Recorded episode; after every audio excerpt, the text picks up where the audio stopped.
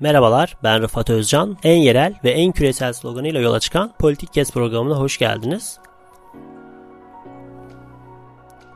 Bugünkü konuğum Zahide Tubakor. Kendisiyle koronavirüsten sonra küreselleşme tartışmalarını, uluslararası sisteme etkilerini ve Orta Doğu'daki çatışmaların bu virüsten nasıl etkilendiğini konuşacağız. Öncelikle size konuğumu tanıtmak istiyorum. Lisans ve yüksek lisansını Marmara Üniversitesi'nde yapan Zahide Hoca, Anlayış Dergisi'nde de yazar ve editör olarak çalışmıştır. Ayrıca Bilim ve Sanat Vakfı'nda Küresel Araştırmalar Merkezi'nde koordinatör yardımcılığı yapmıştır. Yıllardır TTK'larda Orta Doğu üzerine dersler veren ve ayrıca da Bilim ve Sanat Vakfı'nda hem Orta Doğu okuma grubu yapan hem de Orta Doğu üzerine seminerler düzenlemektedir. Yıllardır Orta Doğu ve Amerika'daki yayın organlarından gündeme dair Arapça ve İngilizce çevirileri e, dilimize kazandırmaktadır ve bunları ya kendi sitesinde ya da çeşitli yayın organlarında yayınlatmaktadır. Bu süreçte bazı kitapları da yayınlanmıştır hocamızın. Onları da burada kısaca anmak istiyorum. Orta Doğu Konuşmaları, Küresel ve Yerel Perspektiften Arap Baharı kitabı, Küresel Vicdanın Dilinden Özgürlük Filosu Yolcularla Söyleşiler kitabı, Yahudi Kadının Modernleşme Tecrübesi ve İsrail Örneği kitabı ve Münsif Merzuki'nin yazılarının çevirilerinden oluşan Diktatörlük ile Devrim Arasında Arap Dünyasının Krizleri kitaplarını yayınlatmıştır. Şimdi kendisine bağlanıyoruz. Hoş geldiniz Zahid Hocam. Hoş bulduk, merhabalar. Belirttiğim üzere bugün koronavirüs sonrası küreselleşme tartışmalarını, Ortadoğu'daki durumun bundan nasıl etkilendiğini konuşacağız Zahid Hoca'yla. İlk olarak da şunu sormak istiyorum. Soğuk Savaş sonrası 90'lı yıllardaki küreselleşme paradigmasının anlamıyla bugün arasındaki anlam farklılıkları nelerdir onu sormak istiyorum. Yani nasıl tahayyül ediliyordu, bugün nasıl oldu? Önemli bir soru. Şöyle söyleyelim, Soğuk Savaş'tan sonra Sovyetler Birliği karşısında e, Amerika'nın zaferle çıkmasıyla oluşan o kibir ortamında bütün bütün dünyada neoliberal modelin, demokrasilerin neoliberal modelin, kapitalizmin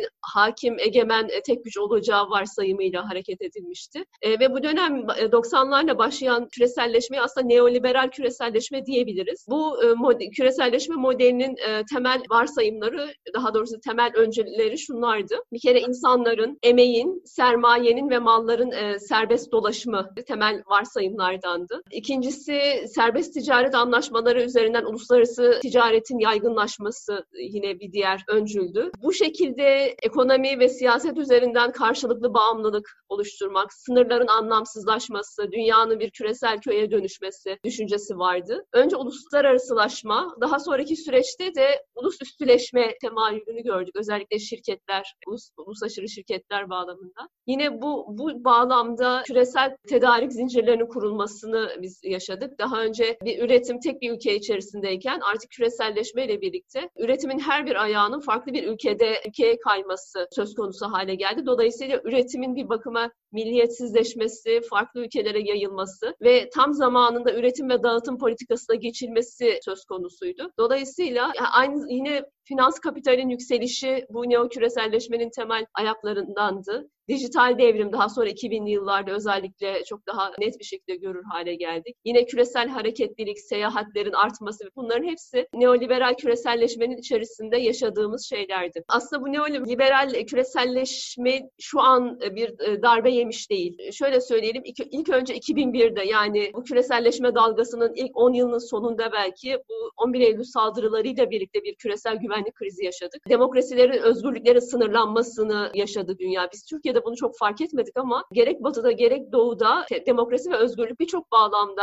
sınırlandı. Yine 2008 küresel ekonomik krizi yaşandı. Bu küresel ekonomik kriz işte neoliberal küreselleşmenin kriziydi. Kabaca 20 yıl evvel kurulmuş olan sistem 2008 küresel ekonomik krizinde ciddi bir darbe aldı. Ve aslında serbest piyasanın öyle hayallerde olduğu gibi işlemediğini de göstermiş oldu. Ve bunun son ayağı da bu artık küresel salgınla birlikte yeni artık tamamen yaşar hale geldik. Aslında şöyle söyleyelim 2008 küresel ekonomik krizinden beri bu neoliberalleşmenin krizini yaşıyoruz. Ancak çok daha alt düzeyde daha doğrusu yavaş yavaş yaşadığımız için bu kadar idrak edebilmiş değildik. Ancak şöyle söyleyeyim bu küreselleşmenin nimetlerinin külfete döndüğü bir dönemdi 2008 krizi ve küreselleşmenin cazibesinin, neoliberal küreselleşmenin cazibesinin sorgulandığı bir süreç ve burada temel bir şey ayrışma ortaya çıktı. Küreselleşmeciler küreselciler ve milliyetçiler arasında. Nasıl soğuk savaşta sağ sol veya kapitalizm, komünizm ideolojik bloklaşması varsa 2008 krizinden bu yana da yaşadığımız 10 küsur yıllık dönemde küreselleşmecilere karşı milliyetçiliğin yükselişini biz gördük ve bu bağlamda özellikle mesela Batı'da o küresel ekonomik krizin etkisi bir müddet sonra siyasi alanın sorgulanmasına yol açtı. Merkez siyasetin sorgulanması, aşırı sağ, aşırı solun yükselişleri, bütün bunları yaşadık ve bu süreçte şöyle söyleyelim, evet bu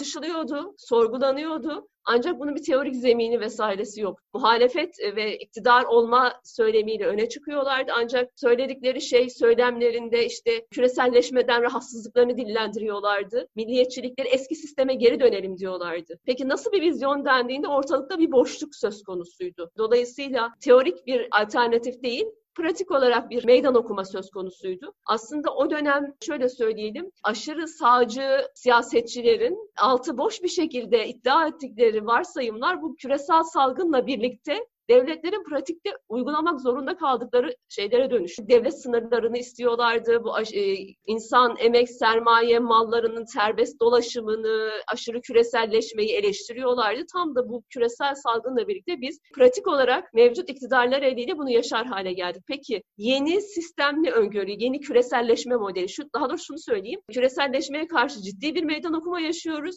Ama bunun sonunda küreselleşme ortadan kalkmayacak. Küreselleşmenin küreyelleşmeye dönüşmesini yaşayacak. Yani küresel ve yerelin e, bir arada e, olduğu bir modele doğru geçeceğiz. Yeni şeyde de şöyle söyleyebiliriz. E, bir kere aşınan devlet egemenliğinin yeniden tesisi olacak bu yeni küreselleşme paradigmasında. Devletler daha belirleyici modele dönüşecekler. Milliyetsiz olan ulus aşırı şirketler artık daha kuruldukları ülkenin politikalarına bağımlı hale gelecekler. Uluslararası ticareti piyasalardan Bakanlardan ziyade hükümetler yönlendirir hale gelecek. Ekonomilere devlet müdahalesi artacak. Yine bu farklı ülkelerde üretim modeli, tedarik zinciri sorgulanacak. Ee, özellikle kritik stratejik ürünlerde devletlerin o stratejik ürünleri kendilerinin üretme çabasını göreceğiz. Yani artık daha önce dışarıdan ithal ediyorlardı. Daha ucuza ithal ediyorlardı ama artık bu modelden vazgeçecekler. Stratejik şeyleri kendileri üretme ihtiyacı hissedecekler. Yerli ekonomi ayağı daha güçlenmeye başlayacak. Yine bu yeni küreselleşme dalgasında artık tek kutuplu bir dünya olmayacak. Çok kutuplu bir dünyaya geçeceğiz. Büyük güç rekabetleri artacak artık bu yeni e, modelde.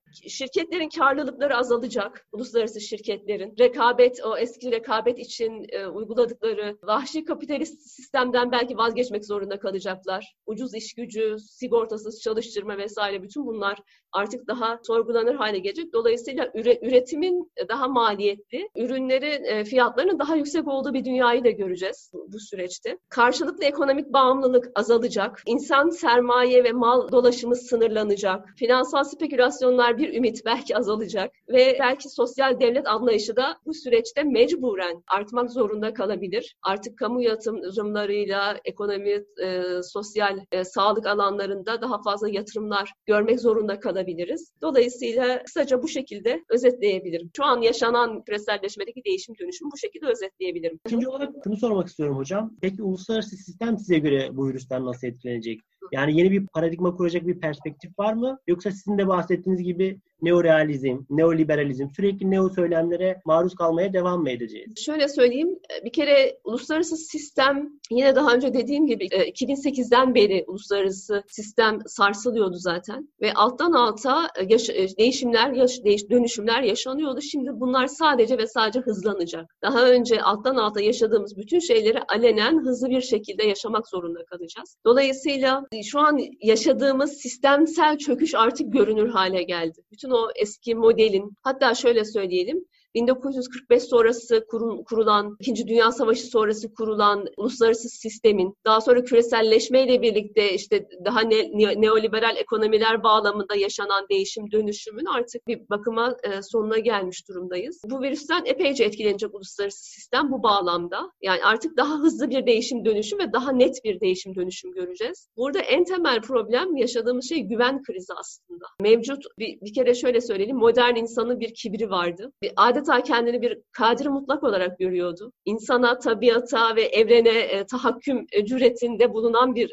insanoğlu vardı. İşte yapay zekalar, genetik alanındaki değiş e, şeyler, teknolojik alandaki ilerlemeler bütün bunlar e, artık insanoğlunun hiçbir şeyi yani her şeye kadir olduğunu gösteriyordu ama bir gözle görünmeyen virüsle birlikte allak bullak olduk, şok olduk ve aslında o özgüvenimiz bir anda yıkıldı. Hala aşının bulunamadığı, hala tedavilerin yapılamadığı, o batının özellikle o insan hakları, demokrasi vesaire vurgusu üzerinden bunu vurgularken e, binlerce, on binlerce insanın kaybettiği bir süreci görmeye başladık. Dolayısıyla özellikle bu işte 1990 sonrası verili olan her şeyin sorgulandığı bir sürece giriyoruz. Yani devletin, uluslararası sistemin, şirketlerin ve dayandığımız bütün e, normlara karşı bir güven krizi olacak. Tabii bunların hepsi bir anda değil, yavaş yavaş bunu göreceğiz. Şöyle söyleyebiliriz, önce bir kere büyük güç ilişkileri değişiyor. Buna özellikle e, uzun uzun daha sonra gireriz. Küresel liderlik eksikliği, boşluğu yaşanıyor. Zaten Rusya'nın e, ve Çin'in daha cüretkar hale gelmesi, Amerika'nın daha geriye çekilmesi sürecini görüyoruz. Bunun dışında küreselleşmenin nimetlerinin en zirvede tezahür ettiği bir Avrupa Birliği vardı. Neoliberal modelin, işte serbest ticaret,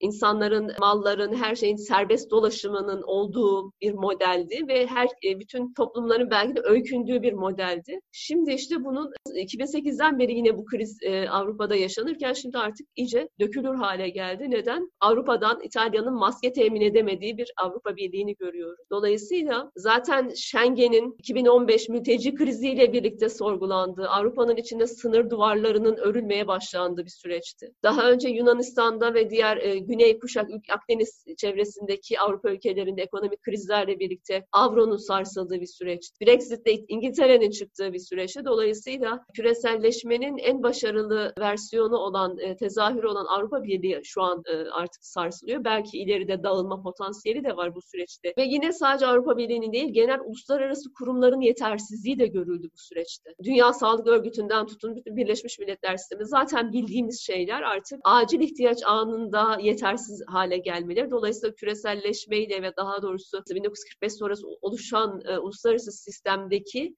aktörlerin yetersizliğini görüyoruz. Bu arada söylemeyi unuttum. Ee, büyük ihtimal Avrupa'da artık ülkelerin daha önce Brüksel'e verdikleri yetkileri geri almak isteyecekleri bir sürece döneceğiz. Yani Avrupa içinde ulus devletlerin daha güçlenmesini yaşayacağız ama bu sadece Avrupa, Avrupa içinde kalmayacak. Dünyada yine ulus devletlerin daha güçlendiği bir sürece ilk aşamada bunu yaşayacağız. Devletler artık daha güçlü olacak. Çünkü kriz anında herkesin yöneldiği kurtarıcı olarak ilk aşamada devletler var. Tabii ki bu kriz sürecinden, bu pandemi sürecinden sürecinden nasıl başarıyla çıkıp çıkmayacakları da devletlerin ayrı bir sınavı olacak. Eğer başarıyla çıkarlarsa güven tazeleyecekler ama başarıyla çıkamazlarsa isyan süreçleri muhtemeldir ki 2021'den itibaren dünyada isyan süreçleri başlayacak çeşitli ülkelerde. Yine bu süreçte devletler hem uluslararası alanda güçlerini artıracaklar hem de içeride güçlerini artıracaklar. Çünkü artık şu, şu süreçte bu krizi aşmak için devletler birçok e, yeni kriz önlemleri alıyorlar. Bu, bu önlemlerden vazgeçecekler mi? Artan güçlerini, yetkilerini daha sonra bırakacaklar mı? Koskoca bir soru işareti. Bırakmayacakların en güzel göstergesi de 2001 11 Eylül sonrası süreçte da, güvenlikleştirme siyaseti üzerinden devletlerin özgürlüklerin artırdıkları yetkiler vesaireler vardı. Ve özgürlükleri budama süreçleri vardı. Bunların çoğu geri gelmedi. El-Kaide tehdit ortadan kalksa bile e, batıda bunların çoğu geri gelmedi. Dolayısıyla pandemi sonrası bu küresel sağlık krizi atlatıldığında da devletler şu an e, artırmaya başladıkları güçlerini bırakacaklar mı? Önemli bir soru işareti. Yine bu süreçte artık o temel hak ve hürriyetler çok önemliydi. Yani 90'lardan itibaren özellikle bunlar sorgulanamaz şey şeylerdi ama artık ne, ne görüyoruz? Temel hak ve hürriyetlerin birer lükse dönüştüğü bir süreçteyiz. Çünkü insanoğlu e, varlıkla yokluk arasında bir beka mücadelesi veriyor. Yani sadece devletler değil, halklar da ve bireyler de beka mücadelesi veriyor. Dolayısıyla bu hak, haklar ve özgürlükler artık bunu dillendirmek, yani devletin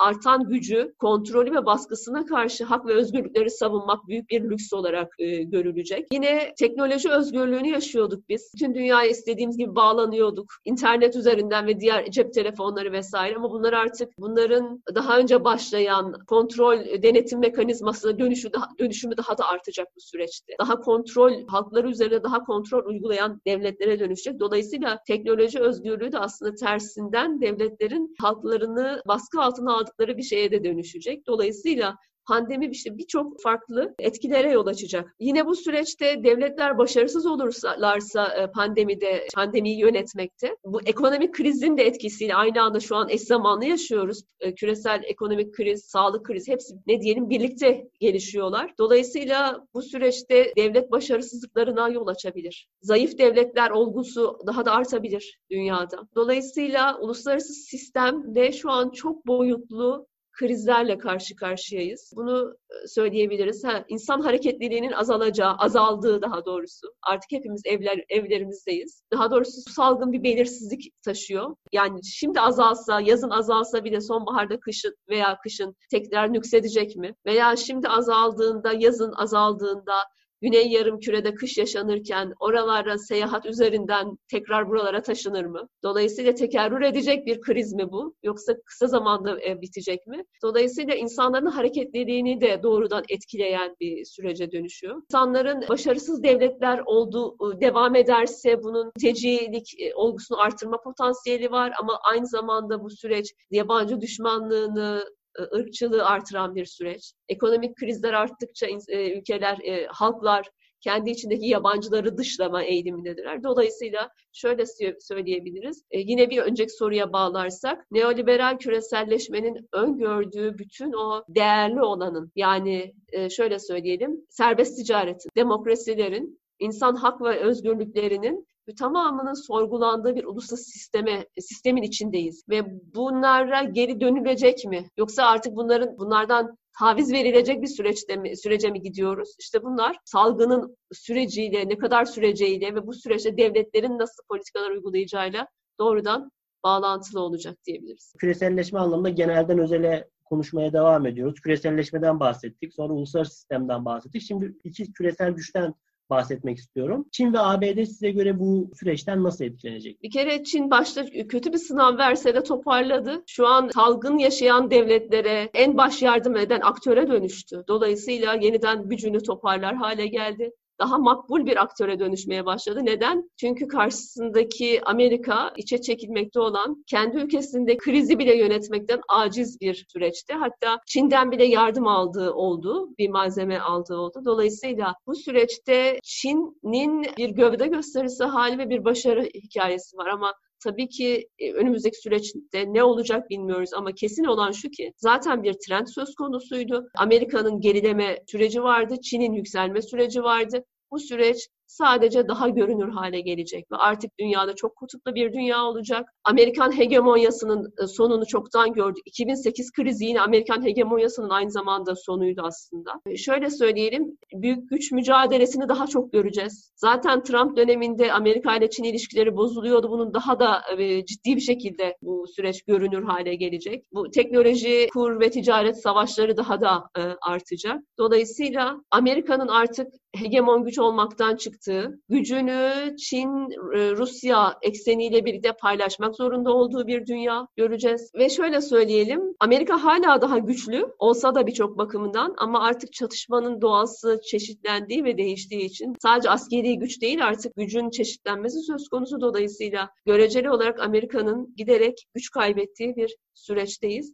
Ve bütün bunlar da aslında hem 2008 küresel ekonomik krizi hem de şöyle söyleyelim. Baba Bush döneminde neoliberal ekonominin zaferi ilan edildi. Bu zaferi oğul Bush daha da ileriye taşıyarak Pax Americana kurma hedefiyle 11 Eylül sonrası süreçte Pax Americana e, hedefiyle daha iddialı bir şekilde ortaya çıktı yaptığı Amerikan müdahaleciliği aynı zamanda aşırı yayılmayı, emperyal kibri ve e, tükenmişliği de beraberinde getirdi. Dolayısıyla Oğul Bush'tan sonra artık o neoliberal ekonomik model tartışılır hale geldi. Obama ile ve Trump'la birlikte tam da bu gerilemeye yaşıyoruz. Özetle aslında iki Bush, iki Bush arası Amerikan hegemonyası süreci sonraki e, günümüze doğru geldikçe Amerika'nın gücünün, cazibesinin, etkinliğinin giderek azalmasıyla devam ediyor. Ve son bir şey daha söyleyeyim bu konuyla ilgili. Amerika'nın bıraktığı boşluğu hiçbir güç tek başına dolduramayacak. Dolayısıyla rekabetlerin arttığı bir şey ama aynı zamanda jandarmasız bir dünya olacak. Amerika küresel bir jandarma rolündeydi 90'lardan itibaren artık jandarmasız bir dünya olacak. Tabii bu daha mı iyi, daha mı kötü e, tartışmalı. Çünkü büyük güçlerin varlığı da yokluğu da beladır. Dolayısıyla bölgesel çatışmaların da artacağı, büyük güçler arasındaki mücadelenin de artacağı bir sürece girmiş bulunuyoruz. Son olarak da aslında sizin çalışma alanınız olan Orta Doğu ile ilgili bir soru sormak istiyorum. Yani bu virüsten Orta Doğu ülkeleri nasıl etkileniyor ve genel Orta Doğu nasıl etkileniyor ve bundan sonra ne olacağını öngörüyoruz? Salgın başlamadan evvel zaten Orta Doğu ikinci defa ayaklanıyordu. Sudan, Cezayir, e, Lübnan, Irak ayaklanmış sokaklardaydı. Bu salgınla birlikte bir bakıma içeriye evet evlerine dönmüş oldular. Dolayısıyla zaten isyan hali, zaten toplumsal talepleri karşılayamayan devletler söz konusuydu. Bu salgınla birlikte aslında Orta Doğu'da en çok etkilenen ülke İran şu ana kadar. Burada Amerikan ambargolarını vesairesinin birçok etkisi var. Zaten e, sağlık sisteminin kötü olması vesaire birçok etkisi var. Ama diğer ülkeler doğrudan etkilenmiş değil şimdiye kadar ama bu etkilenmeyecekleri anlamına gelmiyor.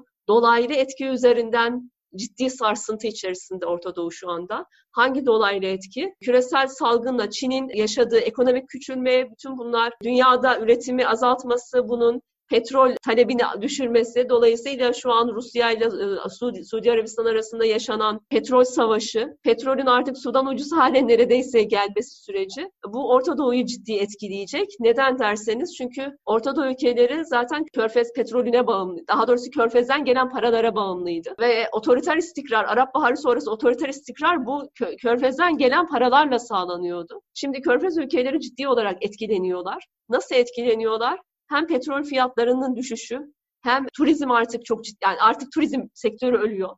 Bir başka şey Körfez ülkeleri uluslararası havacılığın merkeziydi. Buradan kayıpları var. Yine Suudi Arabistan'ın mesela hac umre gelirlerini de kaybediyor olması süreci var. Dolayısıyla şöyle söyleyelim Orta Doğu ülkeleri reel ekonomiye sahip olmayan, petrol rantıyla ayakta duran ülkelerdi. Petrolü olmayan ülkelerde işçilerini yollayarak körfeze çalışan mesela Mısırlı, Ürdünlü, Lübnanlı, Filistinli kendi ülkesine parasını yollardı ve bu, e, buradan %10, %20 gibi devletlerin kasasına bu işçi dövizlerinden para girerdi. Dolayısıyla şimdi bunlar da kesilecek çünkü körfezdeki e, iktisadi teşekküller sarsıntıda. Yine birçok Orta Doğu ülkesi mesela Mısır, Tunus, Fas gibi ülkeler, Lübnan gibi ülkeler turizm alanında yine temel gelir kaynaklarından da onu kaybediyorlar şu anda. Dolayısıyla şunu söyleyebiliriz. Koronavirüsünün dolaylı etkileri, seyahat yasakları, ekonomiyi vurması vesaire Orta Doğu'yu doğrudan etkiliyor şu anda. Neredeyse hiçbir Orta Doğu ülkesi yok ki şu an bu süreçten olumsuz etkilenmiş olmasın diyebiliriz. Dolayısıyla bu süreç ileride e, özellikle 2021'de büyük ihtimal yeniden e, Orta Doğu halkları sokaklara dökülecek. Devletlerin temel ihtiyaçları karşılayamadığı, halkların ihtiyaçlarını karşılamadığı bir süreçte zaten halkların siyasetten ümitlerini, umutlarını kestiği bir süreçteydik. Si- siyasetin hem iktidar hem muhalefet tarafında hiçbir ümitleri kalmamıştı Orta Doğu'nun halklarının. Dolayısıyla yeni isyanlar süreci yaşanacak.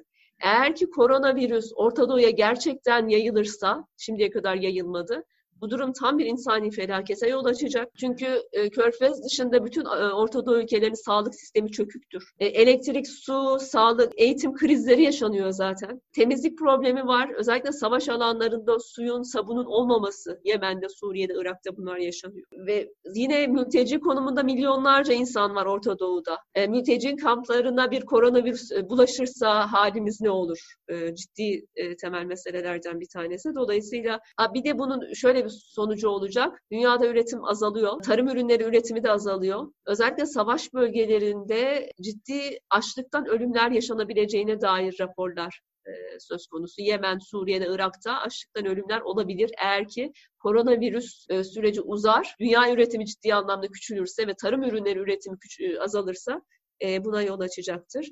Bir te, Orta Doğu'yu nasıl etkileyeceğini bir e, belir, belirleyicisi daha var.